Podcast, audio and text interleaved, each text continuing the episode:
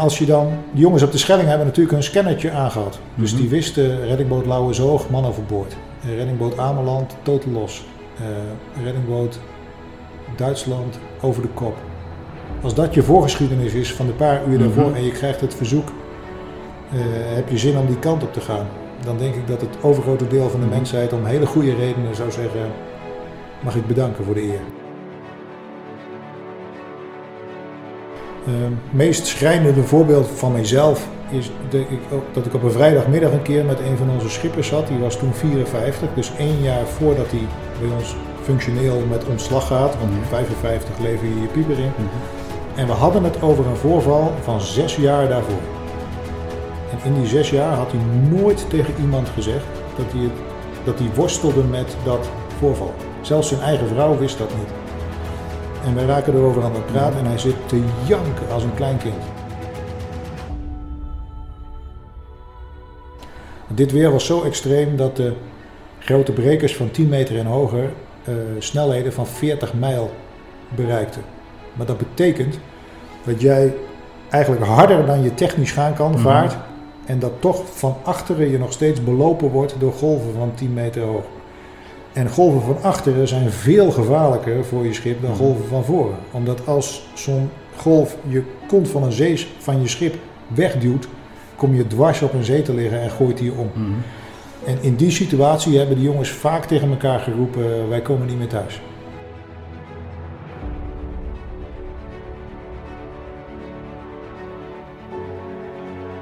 Je luistert naar aflevering 17 van de Gouden Graal podcast. En we nemen je deze keer mee in de bijzondere wereld van de Koninklijke Nederlandse Reddingmaatschappij. Naast de bijzondere verhalen krijg je inzicht in de cultuur en missie van deze unieke organisatie. Zij verlenen kosteloos hulp aan iedereen op zee die hierom vraagt en doen dat ook nog eens met bijna allemaal vrijwilligers. Waarom zetten deze vrijwilligers soms hun leven op het spel? En hoe zorgt de KNRM ervoor dat zij zonder overheidssubsidie zo veilig mogelijk hun reddingsacties kunnen uitvoeren? Veel luisterplezier en laat je meevoeren in deze bijzondere organisatie waarin hulpverlenen altijd voorrang heeft.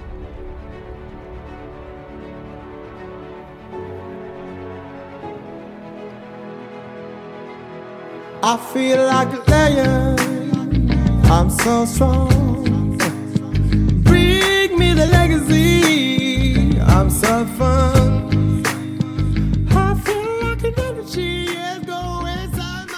We zitten vandaag in het reddingsstation Hoek van Holland. Eh, op de muur zag ik hier al een schitterend eh, plakkaat. Eh, nou ja, plakkaat wil ik niet noemen. Het zit helemaal ingemetseld, zeg maar. De Koninklijke Zuid-Hollandse Maatschappij tot redding van schipbreukelingen. Nou, dat is een mond vol, maar dat geeft wel aan waar dat we hier zitten. We kijken ook uit over het water en we zitten hier in het boothuis met Edward Switzer.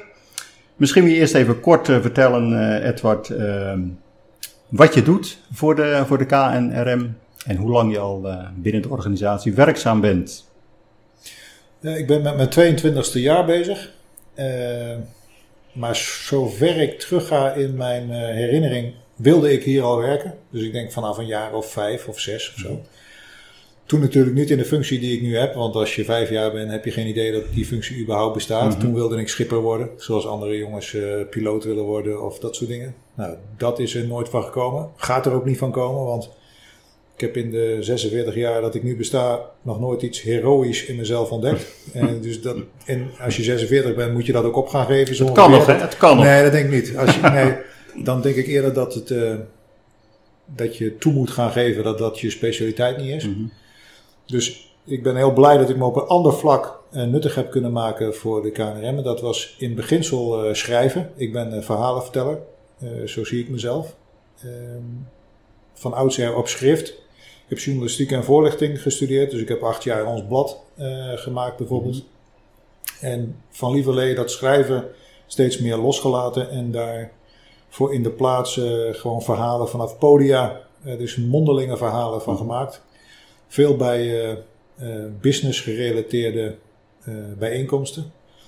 En daar zit de kern van mijn werk, denk ik, dat ik relaties bouw binnen en rond de reddingmaatschappij. Dus, dus dat kan met de Captains of Industry zijn. En dan zijn dat, eh, ik, toen mijn kinderen nog klein waren, zei ik, papa maakt eh, vriendjes voor de reddingmaatschappij.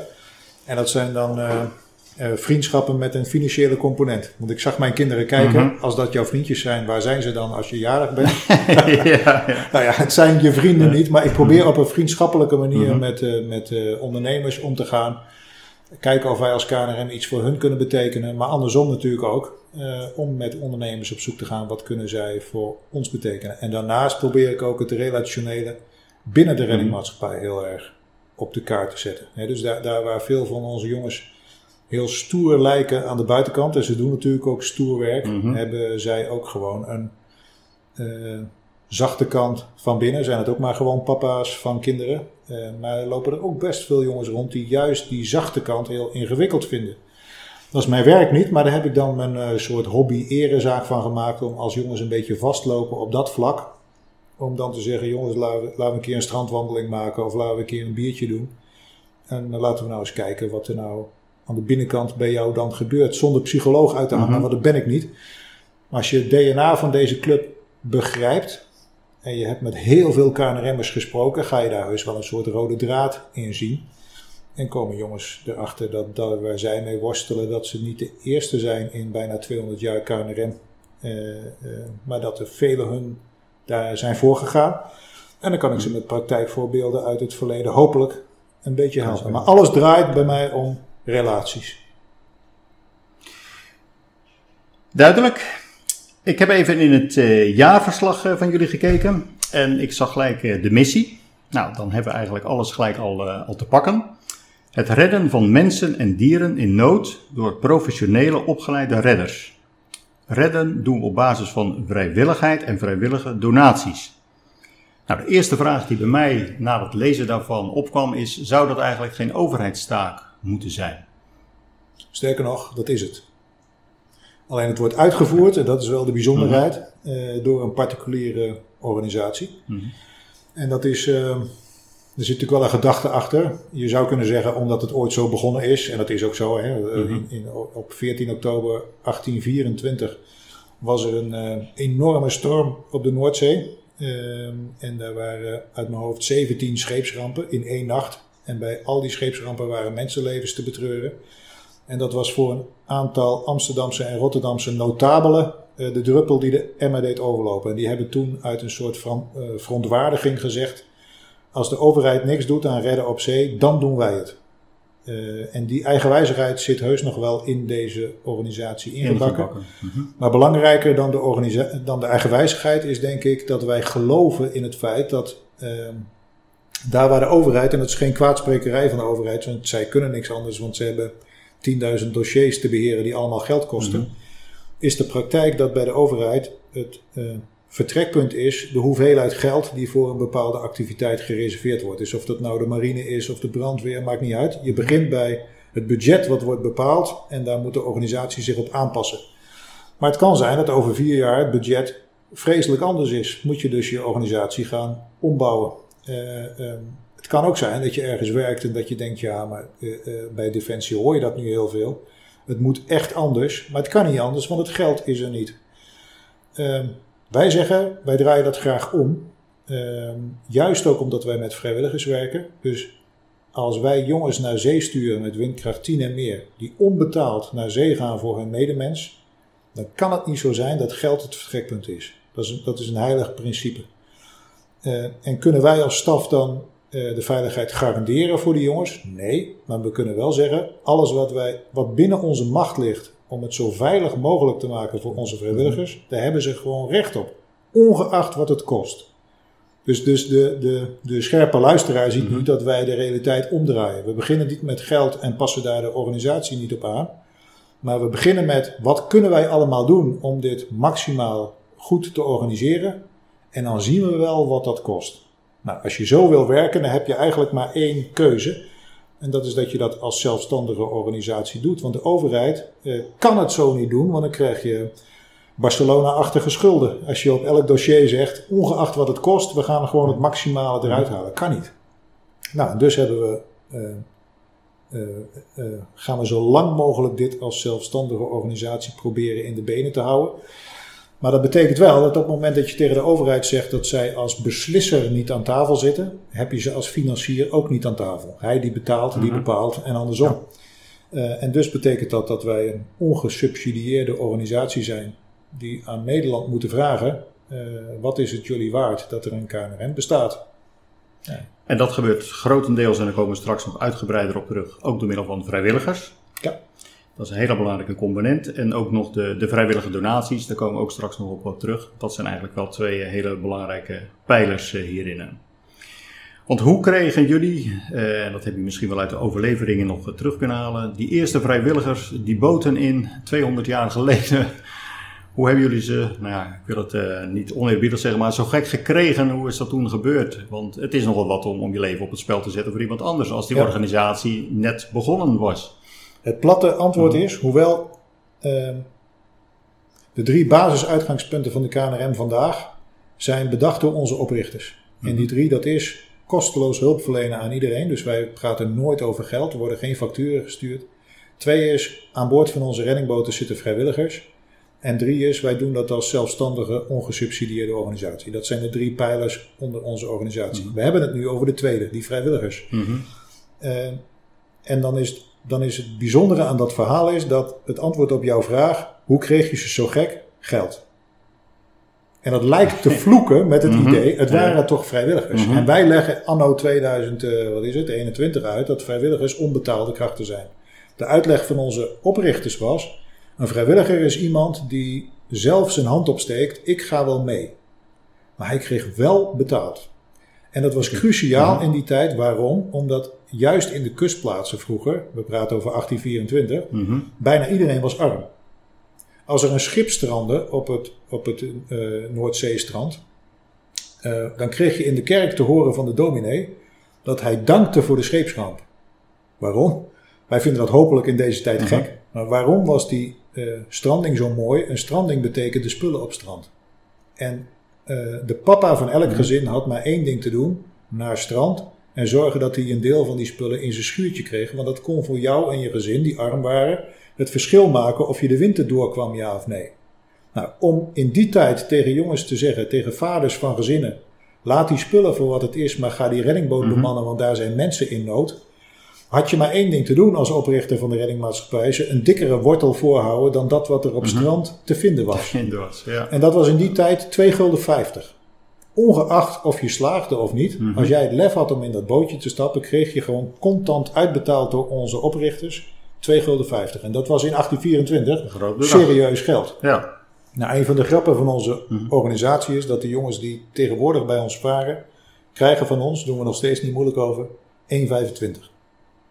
Is eurotijd, hè? Eurotijd. Het is wel aangepast. Dus, dus onze mannen staan 200 jaar op de nullijn. Mhm. Maar het is natuurlijk wel cruciaal om te onderkennen dat daar waar 2,50 Mhm. vroeger de reden was waarom iemand meeging, is 1,25 nu natuurlijk voor niemand de reden Nee. waarom hij meegaat. En dat is ook wel hoe we het heel Mhm. graag zien. Dat eh, eh, je mag dit werk om allerlei redenen doen. En als ik in het hele land aan collega's vraag waarom doe jij dit, vrijwilligers, krijg ik heus niet in 100% van de gevallen exact hetzelfde antwoord. Het is wel een potpourri van eh, delen van antwoorden die er altijd in zitten, behalve geld. Die 1,25 is natuurlijk voor niemand Symbolisch. de reden. ja. Dus een grap die we vanaf, Mhm. eh, vanaf jaar 1 erin hebben gehouden. En het is iets meer dan een grap, omdat als je jongens met eh, zes man weg zijn geweest, nou, dan heb je toch 7,50 eh verdiend. Ja. En, en dan kopen ze frikandellen van. ja. Dus niemand steekt die 1 1,25 in de zak, Mhm. maar het wordt geïnvesteerd in het sociale Mhm. leven op het reddingsstation. Ja. En dat is, dat is een cruciaal, Mhm. eh, cruciaal onderdeel van vrijwilligerswerk. Dat die jongens het met elkaar goed hebben. En dat wordt eigenlijk zo doorgegeven weer aan de volgende generaties, zoals het nu al bijna 200 jaar is gebeurd, gebeurt dat nu nog steeds. Iemand die hier binnenkomt Mhm. en op een bemanningsvergadering over salaris begint, ik denk dat hij het maar heel kort volhoudt hier. Omdat op een reddingboot varen een, Mhm. eer, een erezaak is. En zo moet je dat ook Zo voelen. dat ook eh, zien. En als je dat niet ziet, dat mag wel, Mhm. maar dan hoor je je niet thuis. Nu kwam net ook al even van de orde de, de donateurs. Die zijn ook eh, van, van groot, eh, groot belang. Ik las op de website dat jullie streven naar eh, jullie komende jubileumjaar in 2024. Dat je naar 120.000 eh, donateurs wilt, wilt doorgroeien. Wat zijn je, je grootste toekomstige acties om eh, die nieuwe aanwas eh, binnen te halen van donateurs? Nou, ik denk hoofdzakelijk het jubileumjaar zelf. Omdat eh, de KNRM is een onbekende organisatie in Nederland. Dat zou je hier in een hoek van Holland niet zeggen. En als je in Katwijk op de boulevard gaat vragen, dan weten de mensen ook nog wel antwoord te geven op wat KNRM ja. is. Ehm, Mijn familieroots liggen zelf in Katwijk. En vroeger dacht ik, als je Amersfoort voorbij bent, dan snappen de mensen het niet meer. Nou, denk als je drie, drie straten achter de Mhm. boulevard bent, dat het al rap afneemt. Dus de KNRM is gewoon niet bekend. De verwarring met de reddingsbrigade is heel groot. Maar dat zijn echt twee verschillende organisaties. En wij denken dat als wij in 2024 met eh om reden van het jubileum heel veel aandacht gaan krijgen van televisie en van andere platforms en we worden substantieel bekender, dat die eh, financiële support als vanzelf bijna eh, gaat volgen. Omdat alle onderzoeken, meerjaarlijks, er worden naar alle, onder, alle goede doelen in Nederland worden er onderzoek gedaan. Zowel naar de bekendheid als naar de waardering. En de KNRM scoort altijd extreem hoog bij waardering, maar laag bij bekendheid.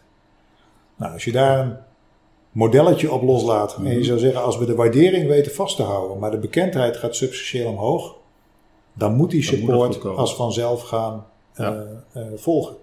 En het oude idee dat je alleen in Katwijk en op de Schelling over de KNRM moet beginnen, eh, daar geloof ik helemaal niet in. Ik denk dat de gemiddelde staphorster voor het verhaal van de KNRM kan vallen. Maar dan moet hij wel begrijpen wat hier gebeurt. Mhm. Moeten we wel het verhaal gaan vertellen. We moeten gewoon bekender worden. En ik denk dat het jubileumjaar ons enorm gaat helpen om eh, bekend te worden. Want als ik vandaag aan een tele- televisiezender zou vragen: wilt u een serie maken over de KNRM? Dat de gemiddelde omroep zal zeggen: ja, dat wil iedereen wel met een serie op televisie.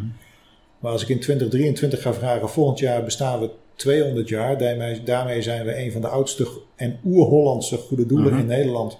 Bent u bereid een serie met ons te maken? Dat je ineens kans hebt dat ze ja zeggen. En dan kan het hard gaan. Want als je eenmaal op tv komt. En het is ook een organisatie die volgens mij een hoge gunfactor heeft. Ja, Want er zijn weinig mensen maar tegen, tegen jullie organisatie. Ik bedoel, dat, dat hier kun je eigenlijk niet tegen kan zijn. je niet tegen zijn, Nee. inderdaad. eh, Dus, dus, toch niet. Dus dan zou 1 en 1 maar, maar eens zo Mhm. 3 kunnen zijn.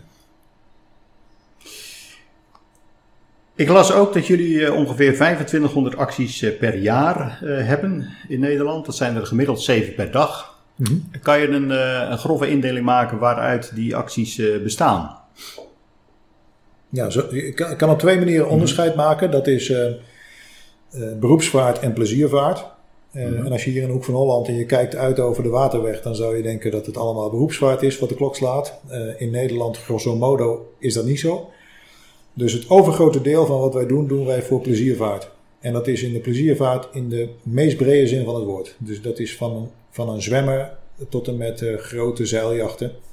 En dan kan er alles eh, aan de hand zijn met die scheepjes. Dus dat kan zinken zijn, dat kan omslaan zijn, dat kan stranden zijn, dat kan simpelweg de brandstof op zijn. Eh, en dat laatste zou je van kunnen zeggen, hm, moet daar een reddingboot naartoe? Eh, als ik met mijn auto geen brandstof meer heb, komt de brandweer toch ook niet? Eh, dat, dat begrijp ik heel goed. Omdat je met een auto vaak veilig in de berm staat of zelfs op een parkeerplaats. Eh, maar als je hier voor de uitgang van de waterweg een half mijltje uit eh, je brandstof op is en jij dobbert daar gewoon en je hebt geen invloed meer over waar jij over vijf minuten bent, dan kan het zijn dat jij over tien minuten midden in de vaarroute ligt van de grote zeeschepen. En dan kan motorstoring nu of brandstof op nu betekenen dat je over 10 minuten in absolute doodsnood bent, omdat jij midden op de snelweg van de grote schepen bent beland. En die schepen zijn zo groot dat ze jou echt niet zien. Nou ja, dan kan je wel uitrekenen Wat er eh, dat het slimmer is om Mhm. iemand op te halen als de doodsnood nog niet daar is. Mhm. Maar dat je hem gewoon als hij motorstoring heeft of de brandstof op, dat je hem weghaalt daar waar je niet wilt zijn. Nou, nou zo'n waterweg is heel indrukwekkend, maar ehm, ik heb in die 22 jaar heel veel eigen mensen gesproken die zeiden: Oh, Edward, vanmiddag dat stelde niks voor. Ik zei: Wat heb je gedaan dan? Ja, het bootje aan de grond met een gezinnetje erop. En eh was eigenlijk niks los, maar we hebben ze losgesleept en eh, thuis gesleept. En ik snap heel goed dat iemand die al 15 jaar op een reddingboot vaart, die met windkracht 3 een eh, bootje vlot trekt en thuis brengt, dat in zijn Routine dat eigenlijk. niks voorstelt. Maar- Deel van mijn werk Mhm. is dat ik dan zo'n gezinnetje thuis eens opzoek en zeg, joh, hoe is dat geweest? En als ik dan Mhm. zie hoeveel impact het op, en dan doe ik heel stereotyp, op moeders heeft gehad dat zij Mhm. met haar kindertjes daar eh, weg is gehaald, dan is dat wat door ons eigen mensen wordt weggeboekt als stel er niks voor, is voor die mensen eh, eh, alsof ze van, van een wisse dood zijn gered. Is natuurlijk niet zo. Alleen als jij met je kindertjes daar zit en je weet niet Mhm. meer wat je moet, dan breekt gewoon de paniek uit. En als daar dan zo'n grote meneer met een oorbel aan boord stapt en zegt: Mevrouw, niks los hoor, wij gaan u hier weghalen. Nou, dan wil je wel zingen. Ik denk dat ze dat verhaal nog tot eh, diep in de tijd als ze in het bejaardenhuis zitten nog wel vertellen. Eh, Dat maakt zoveel indruk. En onze eigen mensen, en dat maakt ze ook zo Mhm. mooi, zijn zich daar niet bewust Mhm. van. Want die hebben die middag, dat stelde niks voor. Mhm. Nou, ik denk laat ze Dat lekker in die waan. Eh, maar het is niet zo. Wat, Nee. wat de impact op de andere kant is andere echt heel groot geweest.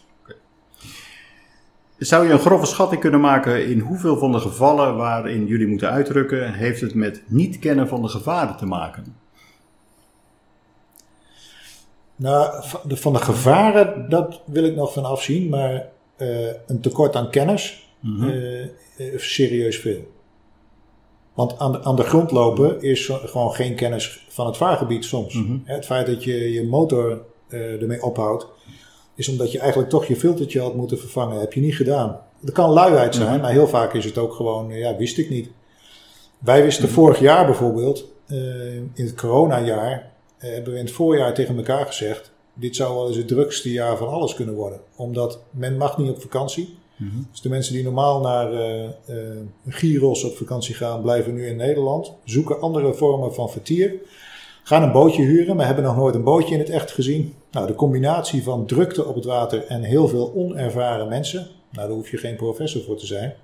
Dat zou wel eens eh, eh, serieus aantal alarmeringen kunnen opleveren. Nou, dat is ook Is dat ook gebeurd? ja, is het vorig jaar drukste een jaar ooit. Mhm. Ja. Oké. En ik voorzie dit jaar niet heel veel eh, anders. Niet veel anders. Nee. Met die verstande dat we natuurlijk ook een hele mooie zomer hebben gehad. Hè? Dat Mhm. kan natuurlijk, dat hebben wij niet in de hand. Mhm. Dus, dus alle elementen, relatief veel mensen weer in Nederland op vakantie. Mhm. Eh, en ik denk dat heel veel mensen die vorig jaar voor het eerst op een bootje zaten, dat die de- deze zomer voor de tweede keer gaan doen. Dat ze niet in tussentijd ervaren eh, bootjesmensen zijn geworden. Dus die componenten zullen er dit jaar weer zijn. Eh, het weer hebben we niet in de hand. Dus wordt het een hele slechte zomer, kan het nog wel meevallen.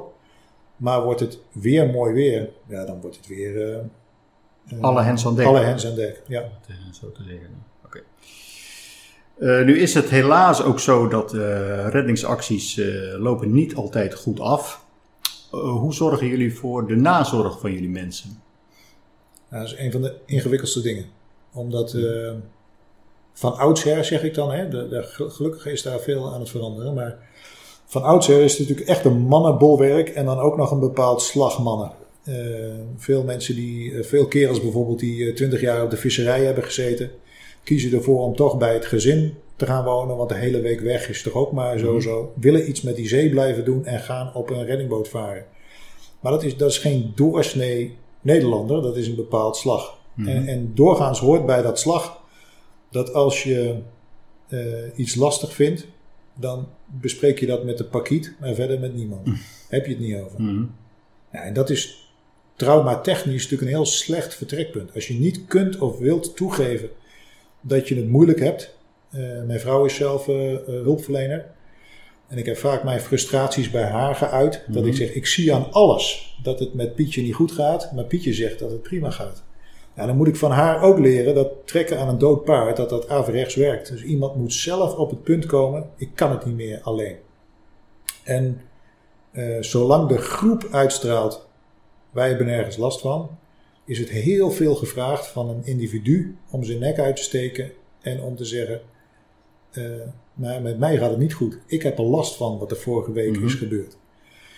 Het meest schrijnende voorbeeld van mijzelf is dat ik, ook- dat ik op een vrijdagmiddag een keer met een van onze schippers zat. Die was toen 54, dus één jaar voordat hij bij ons functioneel met ontslag gaat. Want Ja. 55 lever je je pieper in. Mhm. En we hadden het over een voorval van zes jaar daarvoor.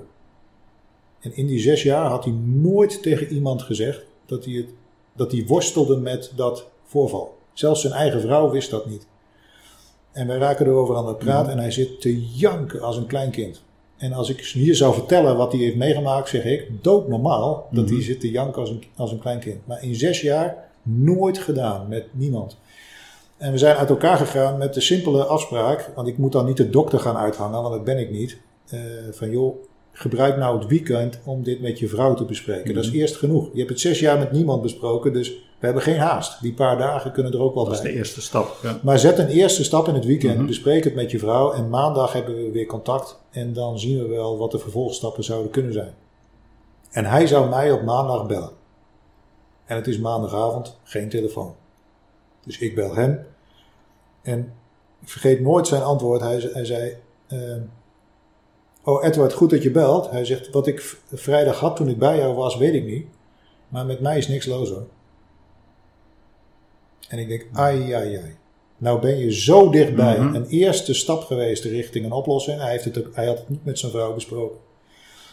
En in plaats van dat je het weekend daarvoor gebruikt, gebruik je het weekend om je luikjes weer dicht te doen. Mhm. En jezelf wijs te maken. Mij maakt hij niks wijs. Ik had hem die vrijdag gezien. Voor mij staat de diagnose bij wijze van spreken vast. Maar hij maakt zichzelf wijs. Het gaat goed met mij. En dat vind, ik, dat vind ik vreselijk triest. Waarom? Kijk, ik vind iedereen die last heeft van een trauma, vind ik zielig. Maar als je last hebt van een trauma vanwege slechtigheid, kun je nog zeggen, ja, je hebt het zelf gedaan. Mhm. Maar dit soort jongens gaan kapot aan goeieheid. Die hebben 25 jaar lang alles gedaan voor hun medemens. Dat emmertje is heel langzaam eh, volgelopen. Er gebeurt iets waardoor het emmertje overstroomt, maar het is het directe gevolg van goed willen zijn. En dat je daar op latere leeftijd dan de prijs voor betaalt, vind ik eh, onbestaanbaar. Maar het gebeurt. Je noemde die net al eventjes, eh, in, in de groep wordt er nog wel eh, geëvalueerd, neem ik aan, na Ja. een wat spectaculaire actie. Kan het ook niet zo zijn dat die groepsdruk het ook beperkt dat mensen het uiten? Zeker, en daarom, en dat zei, vertelde ik in het begin, gelukkig is er veel ten goede gekeerd qua cultuur. En dat heeft vooral met cultuur te maken. En de jonge generatie vindt het veel makkelijker om te zeggen: ik trek dit niet, dan de oude generatie. Grosso modo heb ik het over. Eh, en dat heeft ertoe geleid dat we een paar jaar geleden als KNRM hebben gezegd dat we op elk reddingsstation nu een paar vrijwilligers opleiden met een trauma-herkenningsopleiding. Dat is een heel duur woord voor bijna niks. Jij en ik kunnen het ook. Eigenlijk heb je er geen opleiding voor nodig, want het is de.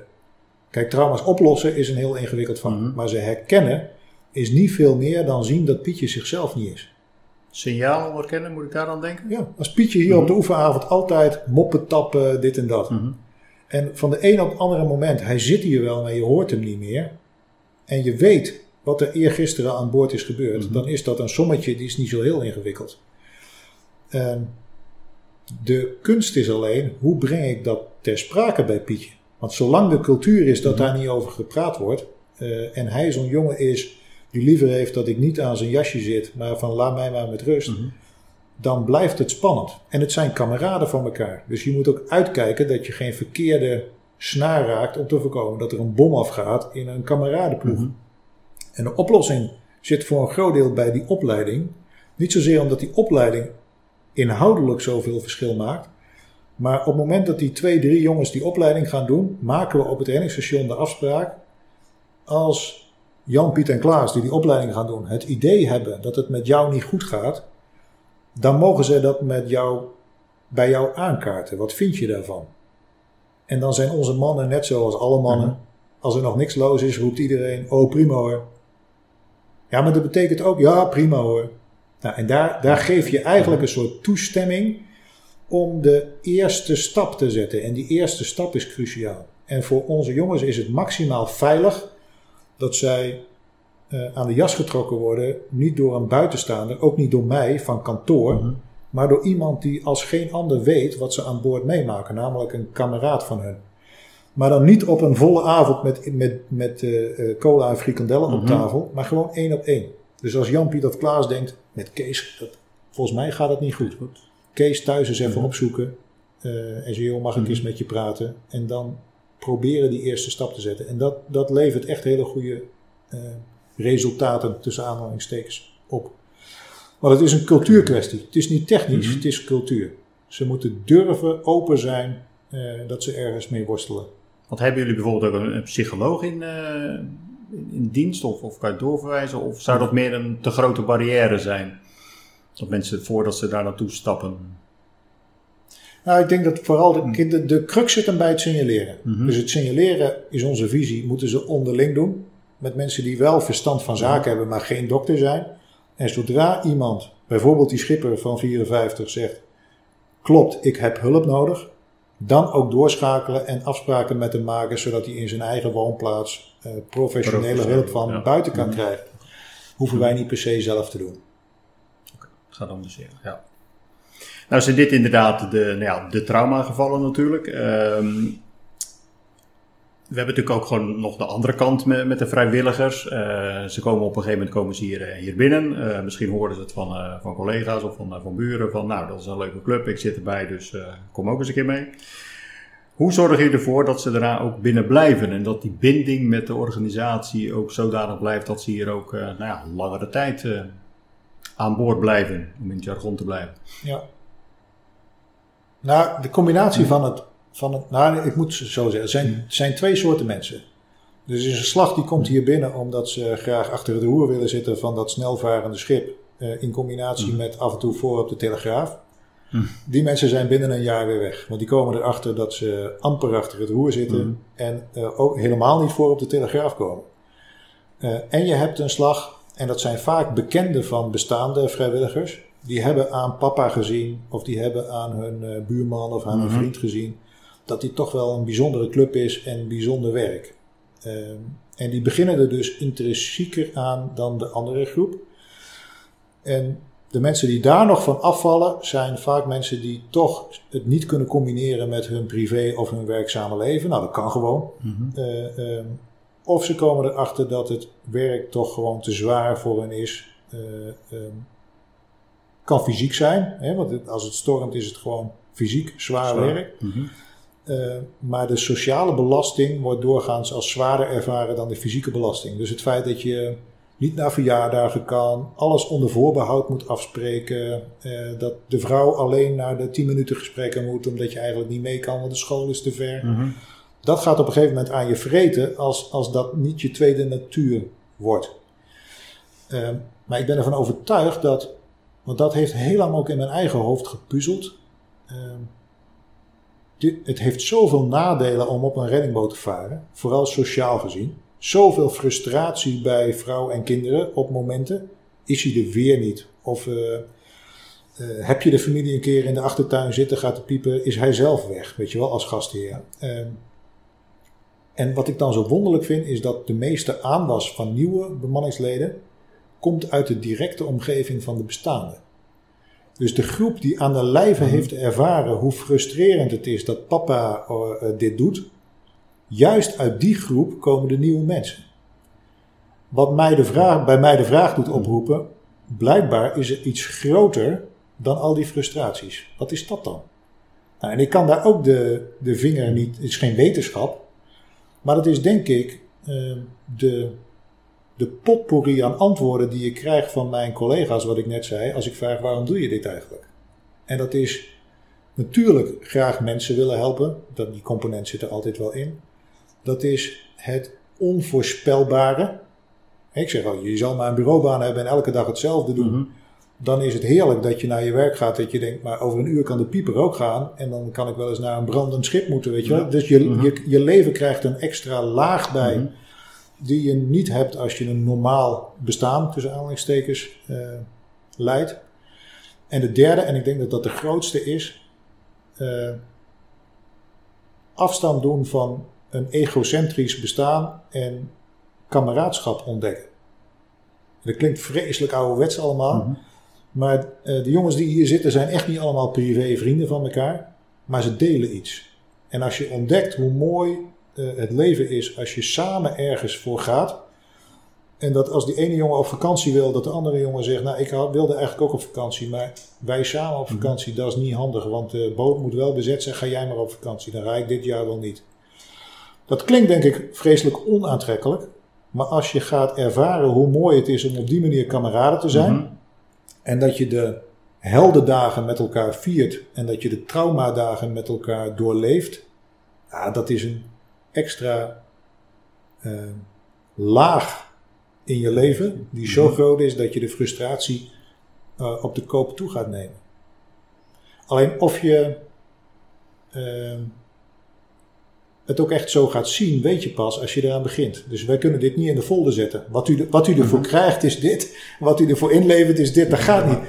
Die balans, daar komt iemand zelf achter. Slaat die door naar de frustratie. Nou, dan, jammer, hoe jammer ook, dan moet je gewoon weg. Want dat, dan, dan heb je zelf geen leven. Of slaat de balans door naar.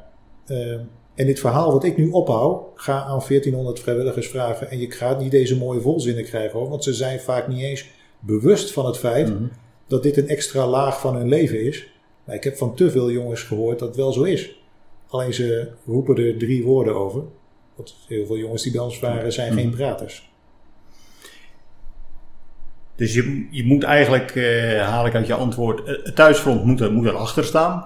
100%. Anders is, is Kansloos. het een kansloze missie inderdaad. En het, het, het woordje hoorde ik ook noemen, het woordje zingeving eigenlijk. Misschien zullen ze het zelf niet zo ervaren. Zingeving en kameraadschappen wat ze, wat ze hier inderdaad vinden. Ja. Want achter ons eh, heb ik ook net van de, van de schipper van het station hier eh, uitgelegd en gekregen. Hangt een eh, elektronisch eh, bord waar alle namen eh, op staan. Met, eh, met groene of met, eh, met eh, rode bolletjes. En eh, je kan dus ook altijd zien wie dat er zeg maar binnen 10 minuten, kwartier 10 minuten, 10 ja. minuten eh, hier op het station kan, eh, kan zijn. En dat, dat betekent inderdaad wel, wel best wel iets. Want ja, op het moment dat je dus eh, even een half uur weg bent dan, eh, hier vandaan, dan moet je dat eigenlijk in die app moet je dat eh, aangeven. Ja, tegelijkertijd heeft die app het leven voor onze vrijwilligers natuurlijk wel een stuk makkelijker Mhm. gemaakt. Omdat vroeger, eh, je ging niet voor elk wisselwasje iedereen bellen. Dus koos je er maar voor om veiligheidshalve er te zijn voor als het alarm gaat. Mhm. Terwijl de kans dat het alarm vanavond niet gaat, is natuurlijk groter dan dat het wel gaat. Dus heel Mhm. vaak zeg je allerlei dingen af voor niks. Ja. Nou, het voordeel van dit systeem is dat eh, op het moment dat ik vrijdagavond een verjaardag heb en ik wil daar naartoe, zet ik mijzelf in het voren voor vrijdagavond op rood. Mhm. Kan iedereen zien, Edward is er vrijdagavond niet. En dat is ook niet erg, want bij een alarm heb je niet iedereen nodig. Je hebt juist een grote bemanning om Mhm. met z'n allen door het jaar heen die 24-7 dekking te kunnen garanderen. Nou, zeggen te veel jongens op hetzelfde moment eh, eh, zetten die zichzelf op rood voor vrijdagavond, gaat het alarm af en krijgt iedereen eh, het verzoek: wil jij je plannen herzien voor vrijdagavond? Want vrijdagavond hebben we ondersterkte. Ja. En dan zie je dat de groep die een bruiloft heeft of wat dan ook, zo lang mogelijk op rood blijft Mhm. staan. Maar de groep die bijvoorbeeld van plan was een aanhanger terug te brengen naar zijn broer, die kijkt in het systeem, Mhm. die ziet dat op zaterdag bijna iedereen er is. Denk je, nou weet je wat, dan breng ik die aanhanger zaterdag wel Ja. weg. Zet ik mezelf voor vrijdagavond Mhm. weer op groen. Maar dat, dat maakt dat als je even niet mee kunt doen om Mhm. reden van een bruiloft of zo, dat je ook met goed fatsoen en met een goed gevoel kunt zeggen: jongens, ik doe vrijdagavond niet mee. Eh, maar dat als je wel op groen staat, ah, dat, je ook, dat je ook weet dat je dan ook echt moet komen, omdat er misschien wel tien jongens op rood staan. Dus de kans dat je voor niks afspraken Mhm. afzegt, wordt kleiner. Dus aan twee kanten werkt dit heel goed. Plus dat het de huisvrede thuis ten goede komt. Want als jij tegen je vrouw kunt zeggen: We hebben vrijdag die verjaardag toch, ik ga mee. Dan, dan zegt de vrouw inmiddels, want het zit in haar systeem, ja, totdat de pieper gaat zeker. Nee, ik sta op rood vrijdagavond. Als vrijdagavond de pieper gaat, hoef ik niet te komen. Nou, dat, zijn, dat is wisselgeld richting je partner en richting je kinderen, die je van tijd tot tijd gewoon moet geven om dit werk langere eh, tijd vol te houden, inclusief huisvrede. Ik zit gelijk te denken, zou je nog tips en trucs hebben voor andere organisaties? Want wat je hier beschrijft natuurlijk eh, is best bijzonder. Dat mensen dit op vrijwillige basis doen. Eh, dat ze ook zoveel van hun privéleven hiervoor eh, opofferen. Als je natuurlijk in sommige organisaties kijkt waar- waar hele planningsafdelingen zitten of waar het soms moeilijk gaat om, om mensen zover, zover te krijgen. En hier gebeurt het, je noemt het woord ook al, uit intrinsieke motivatie al. Eh, zou je nog tips en trucs hebben hoe andere organisaties ook zo'n soort cultuur ook, ook kunnen maken, kunnen krijgen? Nou kijk, de aard van het werk, dat is natuurlijk gewoon, en de voldoening die daarbij Mhm. hoort, die kan ik moeilijk kopiëren naar andere eh, organisaties. Mhm. hè. Dus hier, hier kan je vandaag nog mensenlevens redden. Eh, als je aan een, aan een machine staat die rietjes maakt, kan ik moeilijk tegen die Mhm. mensen zeggen, ja, haal dezelfde motivatie uit je werk dan ons. Dat Klaar. gaat niet. Maar er zijn wel dingen, denk ik, die wel eh, waar lessen uit te leren zijn. En dat is, ehm, wij moeten echt bedacht zijn op dat wij de cultuur die al bijna 200 jaar bij ons bestaat. En waarom papa op de reddingboot zat en waarom opa op de reddingboot zat en overgrootvader. Mhm. Als we als leiding van de KNRM het niet interessant vinden waar dat nou vandaan kwam, ben je bezig je eigen graf te graven. Want er zit een geheim in. Mhm. Waarom deed opa dat? Mhm. Waarom al vijf generaties achter elkaar op die reddingboot? Mhm. Dat maakt voor een deel uit waarom kleinzoon er ook voor kiest. Dat moet je weten. En daar moet je zuinig op zijn. Ehm, en daarnaast heeft het denk ik heel veel te maken met verantwoordelijkheid. En daar waar je in heel veel bedrijven, maar ook wel in andere hulpverleningsorganisaties ziet dat alles wordt dichtgetimmerd met regels. En de bewegingsvrijheid van de uitvoerende tot een minimum wordt beperkt. Daar proberen wij waar mogelijk nog de verantwoordelijkheid bij de uitvoerende te leggen. En elk mens wordt beter als hij verantwoordelijkheid krijgt. Alleen bijna elke leidinggevende denkt: ik moet regels maken, want dan heb ik er grip op. Controle. En elke regel die je erbij bedenkt, maakt jouw uitvoerende minder. Mhm. Nou, en dat- maar, maar dat vraagt van de leiding dus niet zozeer eh, een hele indrukwekkende set regels, maar vraagt durf. Want het vraagt durf van een leider om tegen een uitvoerende te zeggen: jij mag het zeggen. En natuurlijk hebben wij ook piketpalen waar, Mhm. waarbinnen iedereen zich moet bewegen bij de KNRM. Maar mijn ehm, pleidooi richting de leiding van de KNRM, maar eigenlijk tegen elke leider eh, is: beperk het set met regels tot het minimaal noodzakelijke. Maar dat vraag van de leiding vraagt dat natuurlijk eh, durf, lef Ja. om die regels in bepaalde mate los te laten. Maar op de dag dat je dat doet, Mhm. de volgende dag ga je het resultaat zien. En dan kan ik me ook voorstellen, bedoel, op het moment dat er een, een noodsituatie is, bedoel, dan is denk de schipper bepaald op, op dat moment. Je, kan geen discussie hebben als je, als je bezig bent met, met een reddingsactie, denk ik. In, in het heetst Mhm. van de strijd is eh, zes kapiteins op een schip. Het- is niet voor niks dat het spreekwoord daar Daarom. bedacht is. Niet Mhm. handig. Ehm, Maar ehm, heel vaak pleegt een schipper wel degelijk overleg met zijn bemanning. En vraagt Mhm. soms zelfs eh, eh, unanimiteit. Om tegen zijn bemanning te zeggen, zeg het maar jongens, gaan we dit doen of niet? Omdat hij is, wel eens, hij is weliswaar de baas, maar hij is Mhm. ook verantwoordelijk voor vijf, zes onbetaalde jongens die met Mhm. hem naar zee gaan. Eh, hij is soms, zoals Rick hier, die je net getroffen hebt, Mhm. beroepsschipper. Van hem mag je verwachten dat hij meer in zijn mars heeft dan van de gemiddelde vrijwilliger. Dus hij kan wel inschatten ten aanzien van zijn eigen capaciteiten, ik kan dit. Heeft hij niks aan. Uiteindelijk moet zijn complete bemanning, want de bemanning is zo sterk als de Mhm. zwakste schakel, die moet het eh, zien zitten om een klus te klaren. Mhm.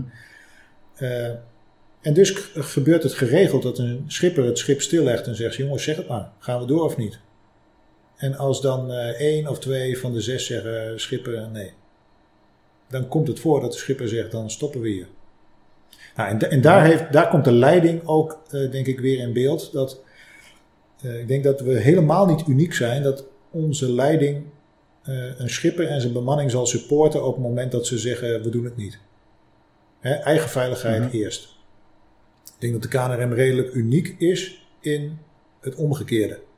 Dat als een schipper en de bemanning onder extreme omstandigheden heus de gevaren wel ziet en ook inschat op basis van ervaring, kennis en kunde, dit zou wel eens mis kunnen gaan.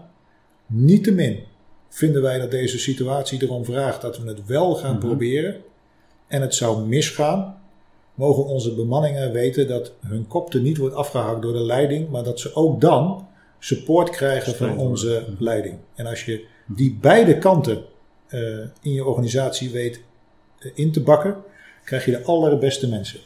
Waarbij we natuurlijk ons heel goed moeten realiseren dat als het windkracht 11 waait en ze staan voor de keuze, doen we iets wel of niet, dat ze niet met de directie bezig zijn. Gaan we dit voor de Mhm. directie doen, ja of nee? Dus totaal niet interessant. Eh, maar het is wel goed dat ze weten dat als het misgaat, Mhm. hebben we support van de beste man. Dat is belangrijk. Wat moet je eigenlijk allemaal kunnen als je hier als vrijwilliger aanmeldt? Moet je fysiek tot bepaalde grote prestaties in, in staat zijn? Moet je mentaal tot. eh, tot bepaalde dieptes kunnen gaan? Zijn, zijn er testen voordat je hier eh, voor het eerst de boot in mag? Nou, de groepsfoto van de gemiddelde bemanning geeft aan dat die eh, sportprestaties wel meevallen. Eh, kijk, je moet een algemeen goede gezondheid hebben, maar je hoeft geen sportman te zijn. Je moet 18 zijn. En je moet eh, tijd hebben. Je moet binnen die straal van de boot wonen en overwerken. Anders heeft het natuurlijk qua aanrijdtijd gewoon Mhm. geen enkele zin. En je moet eh, in de ploeg passen. Maar dat weet je pas als je er onderdeel van uitmaakt. Dus dat is per definitie een gok bij eh, nagenoeg iedereen. Eh, en je moet leergierig zijn. Dus je hoeft geen zeeman te zijn Mhm. om bij ons binnen te komen. Als je postbode bent en je weet het verschil tussen stuurboord en bakboord niet, is niet erg. Kunnen we je allemaal leren. Alleen je moet wel willen leren. Het is ook te grappig dat de grootste dissonante in een ploeg is nieuwe eh, bemanningsleden die van zee komen. Omdat die soms een houding met zich meedragen. Jij mij iets leren. Ik heb 20 jaar gevaren. Volgens mij moet ik jou iets leren. Ja. En natuurlijk hoef je hem niks te leren over golven Mhm. en over stuurboord en Mhm. bakboord. Dat kent hij allemaal. Maar eh, op een reddingboot varen is wat anders dan op een viskotter of Mhm. op een koopvaardijschip. En dus moet je bereid zijn van jongens die al 15 jaar op een reddingboot varen iets aan te nemen. En dat lukt die jongens soms niet. Dat zijn de rotte appels die je in no time weer kwijtraakt. Want die zijn gewoon slecht voor de groep. Bij je postbode weet je niks, Mhm. maar je wil het dolgraag leren en je hebt tijd, je wil mensen helpen en je wil investeren in de groep. Welkom. En dan kan het nog steeds in praktische zin misgaan, omdat blijkt dat je tussen de pieren al zeeziek bent. Mhm. Nou, als je daar, als je 50 keer gevaren hebt en je hebt 49 keer binnen de pieren al gekotst, moet je misschien een andere hobby gaan zoeken. Dat lijkt me een hele Maar dan zal hij dat ook als eerste, zal hij dat zelf ook aangeven. Ja, Dus, eh, maar, maar hele functionele eisen aan de voorkant, anders dan dat je 18 moet zijn en een algemene goede gezondheid en leergierig, hebben wij niet. Dan hebben we het nu heel veel gehad over de, de mensen. Een heel belangrijk eh, aspect natuurlijk. Maar daarnaast hebben we het natuurlijk ook nog over de, de beschikbaarheid van het, eh, van het materieel. Eh, de registratie, afhandeling van incidenten heb ik ergens gelezen. Dat jullie ook kijken bij de prestatieindicatoren naar de geoefendheid van de bemanning. Ehm, hoe zorgen jullie ervoor dat dat op een zo hoog mogelijk niveau blijft? Maar die geoefendheid, dat is dus wederom de kunst om dat binnen een ploeg te laten. Ik, ik, kan een, ik kan een boekje eh, overal neerleggen en zeggen: zet maar een stempel als je geweest bent. En ik wil elke maand van je horen of je geweest bent, ja of nee. Maar de illusie dat ze voor mij naar een oefenavond komen is sowieso een hele rare aanname. Eh, terwijl de cruxum erin zit dat als je niet op je oefeningen komt en je moet binnenkort een keer met windkracht 10 een klus klaren, ben je gewoon een ge- gevaar aan boord. Voor jezelf en voor je maten.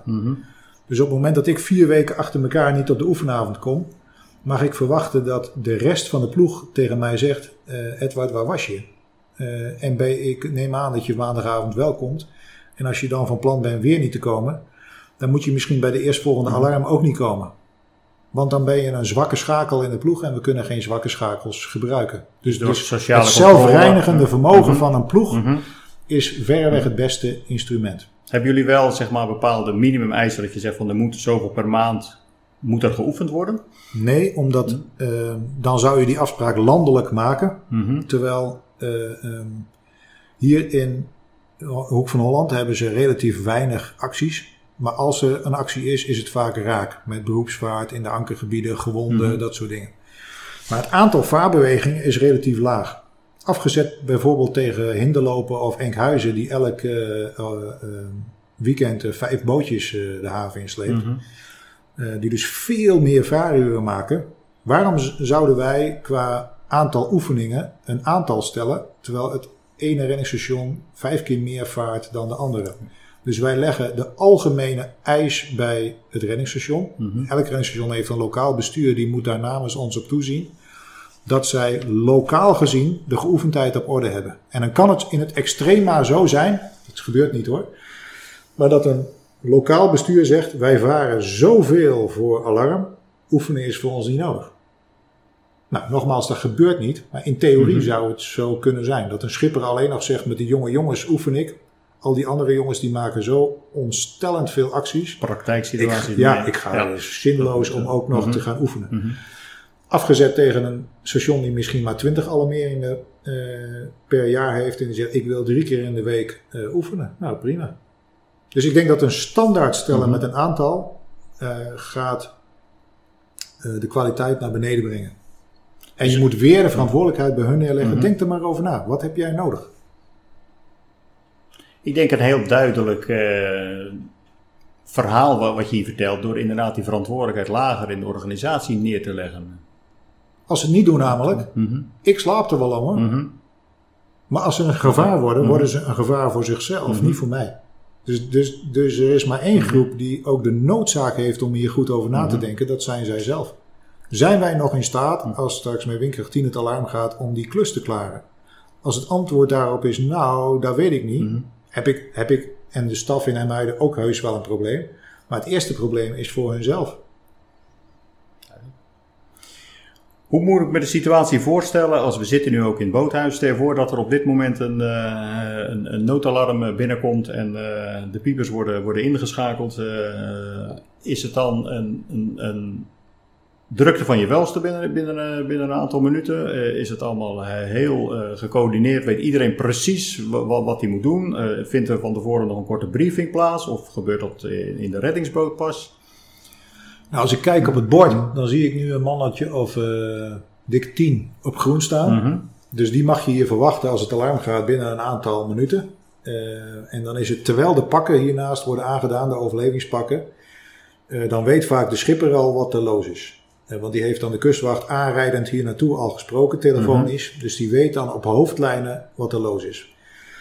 En als het geen nood en dood is, dan zullen de jongens dat hier ook meteen te horen krijgen. Eh, en wordt er ook meteen een schifting gemaakt. Dat, eh, want binnen die tien zitten de jongens die het prima kunnen leiden om even twee uur weg te zijn.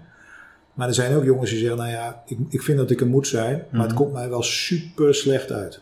Nou, als je dan al die tien niet nodig hebt, Mhm. dan is dat het moment om voor die twee, drie die zeggen, nou, als ik terug kan naar huis, dolgraag. Joh, ga naar huis, want we hebben je, we hebben je voor deze klus niet per se nodig. Mhm. Dan ga je met de zeven man die overblijft, ga je naar zee. En dan tussen het, tussen het moment van wegvaren en aankomst probeer je zoveel mogelijk informatie van de kustwacht los te krijgen van wat Mhm. kunnen we verwachten. Eh, en het aantal mensen waarmee je vertrekt heeft dus te maken met dat wat je moet gaan doen. Als je weet, er ligt één zwemmer in zee, nou, dan, dan is elk extra paar ogen wat je hebt, kan het verschil maken of je hem lokaliseert, ja of nee. Dus hoewel je niet veel mensen Mhm. nodig hebt om die beste man uit zee te trekken, is hem vinden, is hoe meer ogen, hoe beter. Als je weet, nee, maar er is niemand zoek. Er is gewoon aan boord van een jacht ligt één iemand en die heeft zijn been gebroken en die moet eraf. Nou, dan weet je hoeveel mensen hebben we onder deze omstandigheden nodig om die man van boord te krijgen. Nou, dan hoef je eigenlijk niet met meer mensen dan dat weg. En die inventarisatie mhm. maak je hier in de eerste paar minuten. En zolang je dat niet weet, mhm. is natuurlijk better, better, safe than sorry, zeggen ze geloof ik. Dan mhm. beter met 10 man weg dan met zes zolang je niet Ja. zeker weet of je er misschien ook tien nodig hebt. Is het ook zo dat de schipper, kan ik, kan ik me voorstellen, dat, dat hij een wat een speciale rol heeft? Is het ook zo dat de rest van de bemanning eh, uitwisselbaar is en allemaal hetzelfde kan? Of heb je daar ook nog speciale specialisten in? Het idee is dat iedereen de reddingboot thuis moet kunnen brengen. Dus, dus we, Mhm. we proberen onze mensen zo breed mogelijk op te leiden. Eh, dus als je met zes man naar zee gaat, is dat zes man die een radar moet kunnen bedienen, Mhm. die een plotter moet kunnen bedienen, die met de kustwacht moet kunnen communiceren, die achter het roer kan plaatsnemen. Dus dat is Mhm. uitwisselbaar. Uitwisselbaar. ook. Niettemin hou je natuurlijk specialisaties. Mhm. Als, als je al twintig jaar in een autogarage werkt en je weet alles van motoren, zou ik het dom vinden om die jongen tot RBO op te leiden. Eh, hij moet wel RBO krijgen, maar die jongen zou ik niet laten Mhm. specialiseren in het medische deel, eh, maar hem lekker naar beneden sturen op het moment dat er wat met Ja. de motoren is. Mhm. Dus een bandbreedte moet iedereen kunnen. En Mhm. daarnaast heb je specialisaties. Nou, en, en dat is dus in, in- op het moment dat er met extreem slecht weer iets is. En we gaan maar met zes man weg, omdat er niet meer dan zes man eh, aangelijnd in, op de stoelen kan zitten bij ons. Dan is het dus aan een schipper om zeker te weten, heb ik van alle specialisaties iemand binnen die zes. Want als je zes medische mensen Mhm. hebt, maar geen motordrijver en er gebeurt wat met je motoren, nou, dat is, daar hoef je geen professor voor Ja. te zijn, is niet handig. Dus die specialisaties moet hij Mhm. waarborgen. En veel moeilijker nog dan dat is, dat hij eigenlijk voor de toekomst van het reddingsstation er rekening mee moet houden als het windkracht 11 is. En hij, hij mag zes man uitkiezen, inclusief hemzelf, dus eigenlijk nog maar vijf. Mhm. Dat hij niet in de verleiding komt om vijf ervaren rotten mee te nemen. En die verleiding heb je natuurlijk wel, omdat je weet de omstandigheden die we gaan krijgen zijn extreem. Dan wil ik maximale garantie dat de jongens die ik meeneem op de been blijven. Maar als je altijd met extreme omstandigheden je ervaren mensen Mhm. meeneemt, komt er binnen jouw ploeg een enorm gat tussen dat kleine kopgroepje die alles kan, tussen aanhalingstekens. En er komt een hele tijd niks. En dan komt er een groep die nog nooit heeft kunnen bewijzen dat hij met extreem slecht weer meerwaarde Mhm. heeft. En dus zal de schipper een mix moeten maken van ervaren mensen en onervaren mensen die het nou één keer moeten leren. En een eis om het te leren is dat je af en toe wordt meegenomen Mhm. onder dat soort omstandigheden. Met het risico dat zo'n jongen op die dag eh, eh, blijkt die omstandigheden niet aan te kunnen. Dat kan. Nou, dan weet je dat voor de toekomst. Eh, maar je hebt op dat moment niks aan hem. Nou, dat is een duivels dilemma. Mhm. Hoort erbij. Kan ik me voorstellen. Hoe ligt precies de, de verhouding tussen eh, betaalde krachten en vrijwilligers binnen, binnen de hele organisatie? Nou, als ik kantoor niet meereken, dus als ik op de vloot gewoon kijk, Ja. dan zijn er eh, acht jongens voor hun beroep, reddingbootschipper, Mhm. van de kleine duizend varende mensen die we hebben. Dus te verwaarlozen. Ja. Heel bijzonder verhouding. Ja, Dus dat vergt inderdaad toch wel het nodige wat je inderdaad al verteld hebt, inderdaad, om dat in stand eh, te houden. ja. En soms, soms komen we zelfs in de verleiding, en dat, eh, gaat, dat zal heus niet eh, snel gebeuren hoor, maar je ziet dat het iets doet met de dynamiek op een reddingsstation Mhm. op het moment dat je één betaalde kracht hebt rondlopen. Omdat alle, eh, zeg maar de rotplusjes, eh, vrijwilligers al gauw het idee hebben, ja dat kan hij wel doen, want hij zit hier morgen. Dus, dus je creëert een uitzonderingspositie binnen een groep. Mhm. En die uitzonderingspositie heeft voordelen, maar heeft in de dynamiek ook nadelen. Terwijl als de vakantieplanning moet worden gemaakt en iedereen zit in hetzelfde schuitje, namelijk ik heb kinderen thuis, dus ik moet eigenlijk in die zes weken op vakantie. Maar we moeten allemaal op vakantie, dus we moeten gewoon rekening houden Mhm. met elkaar. Die, gelijk, die, die gelijkheid tussen iedereen geeft ook een maximale we moeten het samen doen gevoel. En een beroepskracht naast 26 vrijwilligers is ook een dissonant in de groep. Ik weet niet of ik kan overbrengen Mhm. wat dat is. Eh, maar we hebben voorbeelden van reddingsstations waar we gestopt zijn met de beroepskracht, waarbij eigenlijk de hele ploeg zei: We hebben het allemaal wel een beetje zwaarder gekregen, praktisch gezien. Maar voor de ploeg is dit eigenlijk Is veel beter? beter. Ja. Want niemand kan meer afschuiven naar iemand anders. Joh, laat hij dat lekker doen, hij wordt ervoor betaald. Je moet het met elkaar rooien. Je moet het met elkaar rooien. Ja. Wat zijn de, de reddingsacties die jou het meest zijn bijgebleven in de afgelopen jaren dat je hier al zit? Nou, dan moet ik een onderscheid maken tussen eh, de reddingacties die ik zeg maar uit de boekjes heb gehoord en waar, Mhm. waar ik me een voorstelling bij probeer te maken en daar dan eh, zwaar van onder de indruk ben. En dan denk ik dat ik kies voor eentje op nieuwjaarsdag 1995, dus dat is echt al heel lang geleden. Mhm. Waarbij, eh, volgens mij was het een Russisch zeeschip wat in de problemen was. Onze reddingboot van Lauwersoog is daar naartoe gegaan. En eh, in het zeegat tussen uh, Schiermonnikoog en Ameland hebben zij een man verspeeld. Ze is overboord geslagen tussen 10 meter hoge grondzeeën. In de duisternis ook nog.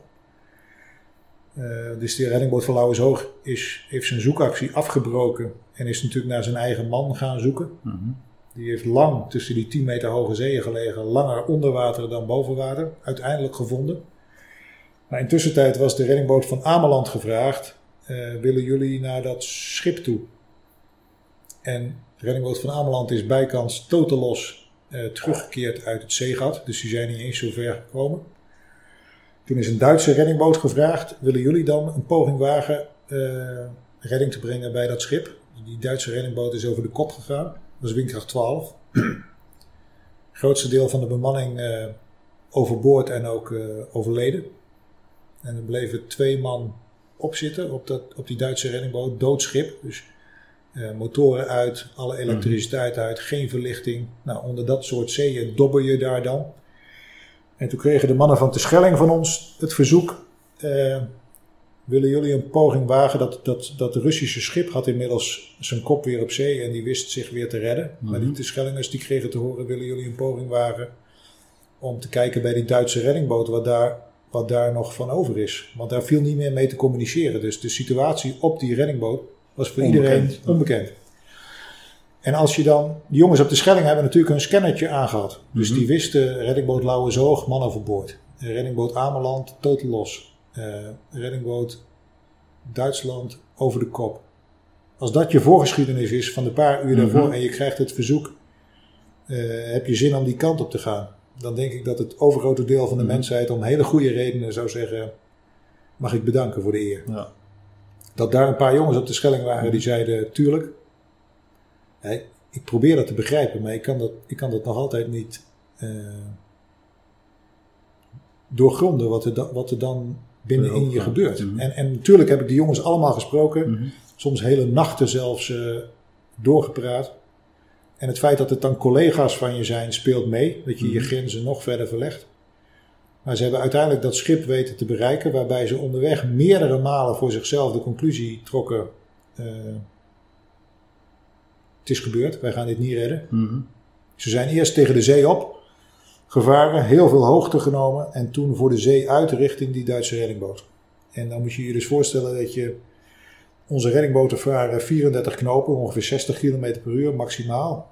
Eh, een, een, een golf op de Noordzee met storm haalt normaliter geen 34 knopen. Mhm. Dus dat betekent dat wij altijd tussen twee golven in kunnen gaan surfen als het ware. En Ja. gewoon zonder dat we op de terugweg nog een golf tegenkomen, Mhm. gewoon tussen twee golven in terug naar huis. Dit weer was zo extreem dat de grote brekers van 10 meter en hoger eh, snelheden van 40 mijl bereikten. Maar dat betekent dat jij eigenlijk harder dan je technisch gaan kan, Mhm. vaart. En dat toch van achteren je nog steeds belopen wordt door golven van 10 meter hoog.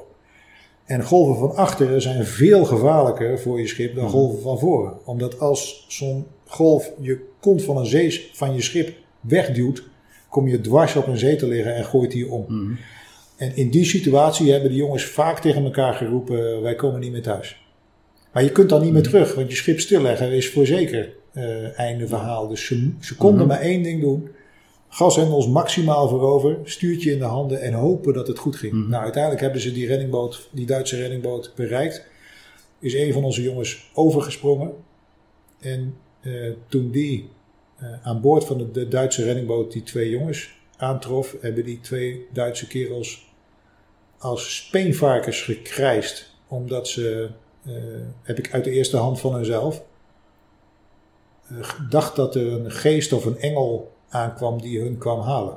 Ja, Omdat ze zich bij hun, bij hun rijkste Mhm. fantasie niet konden bedenken Mhm.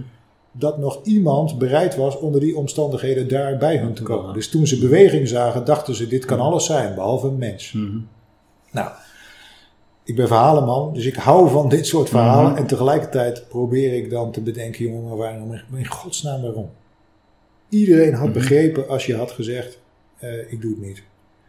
Nou, en, en dat, ik heb niks met bootjes, ik heb niks met Mhm. zee. Maar dit soort mannen motiveert mij dag in dag uit om te denken: als ik daarvoor kan zorgen op mijn manier, Mhm.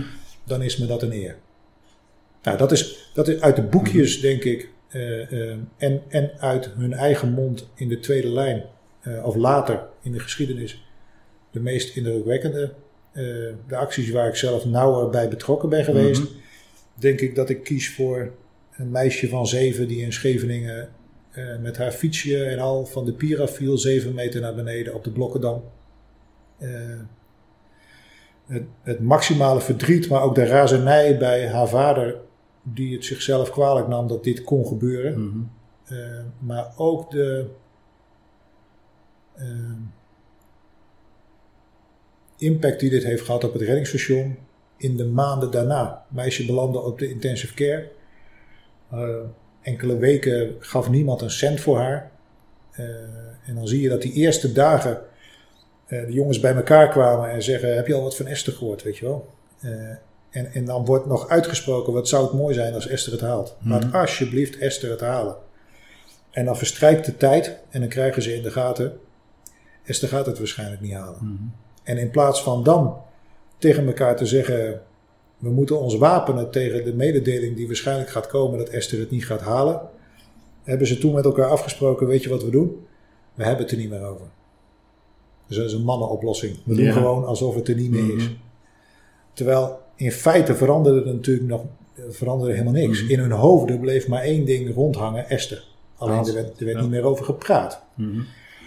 Nou, en, en eh, ik ben zelf boekenschrijver, maar het scenario van dat meisje, dat had ik zelf niet durven bedenken. Namelijk dat op de dag dat haar moeder beviel van haar zusje, een paar verdiepingen daarboven in hetzelfde ziekenhuis gaf Esther het eerste levensteken. Waarop de arts tegen de moeder kon zeggen, eh, vechten mevrouw, want boven is ook Mhm. iemand begonnen met vechten. Dus eigenlijk kreeg moeder op één dag twee Mhm. dochters. Eh, eh, een nieuwe en eentje terug. Ja, bizar. En, en eh, ik vergeet nooit de dag, ik ben veel bij die mensen Mhm. thuis geweest in Mhm. die tijd. eh, en nog kom ik er wel thuis. Eh, dat ik tegen papa en mama zeg, zullen we met Esther teruggaan naar het reddingsstation? Ik denk Mhm. dat de jongens dat mooi vinden. En dat hebben we toen gedaan. En we komen daar binnen in het boothuis. En ik ken al die jongens natuurlijk. En ze wisten dat we kwamen, die mannen. En ze stonden allemaal met de rug tegen de muur. Te loeren naar Esther alsof, Mhm. alsof ik een baviaan had meegebracht. ja, ja. Niemand zei iets. Mhm. Maar je kon aan die ogen zien, eh, het grootste geschenk wat Mhm. je ze kon geven. Dat Ja. ze met eigen ogen konden zien, Esther doet het nog. Het is niet voor niks geweest. Nou, en, en dat is voor mij het Mhm. zoveelste bewijs dat ik denk, tuurlijk hebben wij een stoer imago met, met, met mannen die ogenschijnlijk alles durven. Dat is helemaal niet waar. Het zijn hele gewone mannen. Die weliswaar veel durven, dat is wel waar. Eh, maar net zo goed eigenlijk het liefst janken als ze Esther zien binnenkomen. Nou, dat moeten Ja. we ze dan een beetje leren. Ja. Eh, moeten ze dat ook gewoon doen. Dat is goed. Nou, wel heel mooi dat het verhaal zo is afgelopen. Ja, Verhaal. Werkelijke gebeurtenis. sterker nog, ze hadden toen een soort gezegde binnen de ploeg. Ik denk dat dat wel weer is weggeëpt. Maar op een dag dat het wel misging en er wel Mhm. slachtoffers waren, eh, zeiden ze tegen elkaar: Kom op jongens, er komt weer een Esther. Mhm. En dat was een soort gevleugeld woord eh, waar ze elkaar mee in de benen hielden. En wat betekende: vandaag is dan niet gelukt wat we graag hadden willen Mhm. doen. Maar morgen kunnen we weer het verschil maken. En dus lopen we nu niet weg, maar blijven we dit werk gewoon We doen. blijven dit doen. Nou, dat is- fungeerde weer als brandstof voor de volgende. Absoluut, ja. eh, ja. Nu hoorde ik net van het, eh, het voorgesprekje wat ik ook even met de, met de schipper hier, hier had, dat jullie ook betrokken zijn geweest bij het Scheveningse surfdrama. Wat nu een jaar geleden is. Ehm, in wat voor eh, precies hoedanigheid waren jullie daarbij betrokken? Nou, we hebben net als veel andere hulpdiensten eh, gedaan wat we konden. Mhm. Dus, dus eh, bijzondere. In Scheveningen, dus wederom Scheveningen, net als Ja, ja. Esther. We hebben eh, een truc in Scheveningen voor hulpverlening op strand. En Mhm. twee reddingboten, een grote en een kleine. Die grote die kan in principe onder alle weersomstandigheden uit de voeten. Dat kleine bootje heeft natuurlijk zijn beperkingen. Eh, los van de schuimlaag die toen het verschil heeft gemaakt in negatieve zin, waren de omstandigheden de branding ook gewoon zwaar. Het kleine bootje had kort daarvoor een actie gedaan. Jongens waren teruggekomen aan de steiger en gezegd: Wij gaan vandaag niet meer varen. De omstandigheden zijn voor ons met het kleine bootje Mhm. te zwaar. Dus als we vandaag weer alarm krijgen, moet de grote boot het maar doen. Toen kwam het alarm voor die, voor die eh, servers. En deels gewoon door harde feiten die ze kregen, maar je voelt het ook aan. Als je ervaring hebt in Mhm. dit werk, voel, voelde iedereen aan. Dit is heel veel serieuzer dan dit gaan we hem niet krijgen. Mhm. In no time lag het kleine bootje weer in de branding. Dat vind ik dan ook mooi. Hè, dat, dat, dus de zeemanswetten geven eigenlijk aan niet doen. Eh, maar als je weet dat jonge kerels daar liggen te vechten voor hun leven, dan, dan gelden de wetten even niet. Zonder te vervallen in de dood of de gladiolen. Dus je moet je verstand wel blijven Mhm. gebruiken. Maar de jongens zijn bereid geweest hun eigen grenzen te verleggen. Zoals ook de grote reddingboot tot op anderhalve meter van de Blokkendam heeft gevaren om te kijken of daar nog jongens lagen. Mhm. Elke zeeman zal zeggen, met zo'n branding op anderhalve meter van de Blokkendam, moet je Waanzin. niet willen. Dat is waanzin, ja. Mhm. Weten onze jongens ook wel. Alleen als de grootste aanname is dat de slachtoffers daar ergens moeten liggen, ben ik er ongelooflijk trots op dat wij werken met een slag mensen die zeggen, weet ik ook wel dat dit Mhm. niet slim is, maar ik doe het wel. Ehm, uiteindelijk hebben ze de eerste dag, is ons kleine bootje erin geslaagd, één jongen levend uit het water te halen Mhm. en twee jongens levenloos. Volgende dag weer twee, levenloos. En uiteindelijk eh, heeft de zoektocht naar de laatste jongen zes dagen, geloof ik, geduurd. En is ons reddingsstation echt tientallen keren gealarmeerd voor die laatste jongen. Omdat iedereen dacht iets te zien. En wij hadden de afspraak met iedereen gemaakt. Als je denkt dat je iets ziet, alarmeer ons. Want we varen liever duizend keer voor niks. Dan één keer eh, ten onrechte niet. Dus we hebben voor uh, vuilniszakken en voor alles hebben we Mhm. gevaren. En uiteindelijk gelukkig eh, na zes dagen ook de laatste jongen aan land kunnen brengen. Ja. En, en dan. eh, dat doe je natuurlijk omdat je reddingbootman bent, maar ook omdat eh, de tweede dag. De jongens liepen van het boothuis naar de boot. Mhm. Om, om een tweede dag zoeken te beginnen. stond er een mevrouw bij het boothuis. En die riep onze jongens na: eh, Zie dat je hem vindt, breng hem thuis. En het bleek de moeder van een van die jongens te zijn. Mhm. Nou, heb je, dan heb je geen motivatie nodig hoor. Dan weet je wel waar je die dag voor naar zee gaat. doet. Ja. Ja. En dat weet elke zeeman. Hè? Dat, natuurlijk brengen wij het Mhm. liefst mensen leven dan land. Daar ben je reddingmaatschappij voor. Maar als je weet dat dat niet meer kan, eindigt je uitdaging niet. Maar is het aan land brengen van een lichaam eh, echt de tweede prijs. Het hoogst haalbare op dat moment. Ja. Maar een familie moet afscheid Mhm. kunnen nemen van een dierbare. Ja. Ik zie dat we ondertussen al, eh, al meer dan een uur eh, aan het praten zijn. Ik zou nog uren met je door eh, kunnen, kunnen praten, maar ik zal ook om, om jouw tijd denken. Ik heb altijd een, een vaste slotvraag in mijn, mijn podcast. Je mag kiezen of dat je A of B kiest. Wat zou je eerste besluit zijn als je morgen minister-president zou worden? Of als je morgen minister van Infrastructuur en Waterstaat zou worden. Wat misschien iets meer in het vaarwater van de KNRM ligt. Je mag kiezen. En wat zou dan je eerste besluit zijn? Eh, nou, dan ga ik toch voor minister-president, denk ik. Mhm. En mijn eerste besluit. Mag alles zijn. Out of the box. Nou, dan zou ik denk ik. ehm,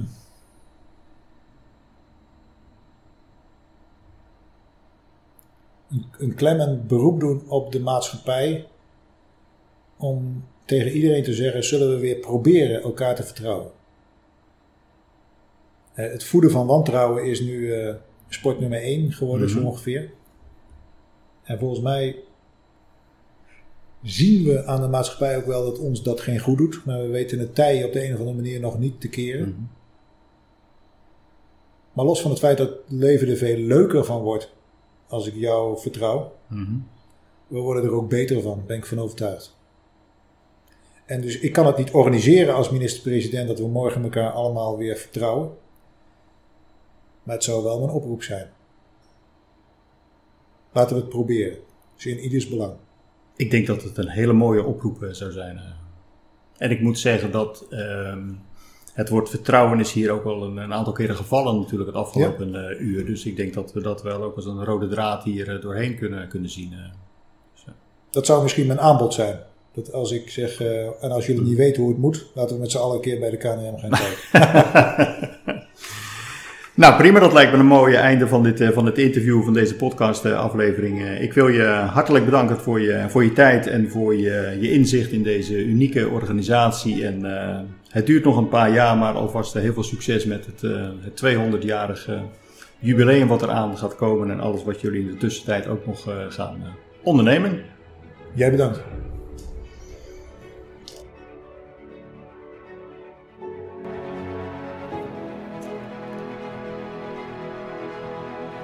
Aan het woord was Edward Switzer. Naast de spectaculaire verhalen zijn mij drie dingen bijgebleven uit dit interview. Ten eerste, en ik citeer: Geld kan nooit het vertrekpunt zijn. We beginnen niet met geld en passen daar de organisatie op aan, maar we beginnen met wat kunnen we allemaal doen om dit maximaal te organiseren. En daarna zien we wel wat dit kost. Ten tweede, Ieder mens wordt beter als hij verantwoordelijkheid krijgt. En als laatste, beperk de set met regels tot het minimale. Ze klinken alle drie simpel, maar waarom handelen we er in de dagelijkse praktijk niet vaker naar? Tot zover deze aflevering en ga de Gouden Graal podcast volgen in je podcastspeler als je de volgende interviews niet wilt missen.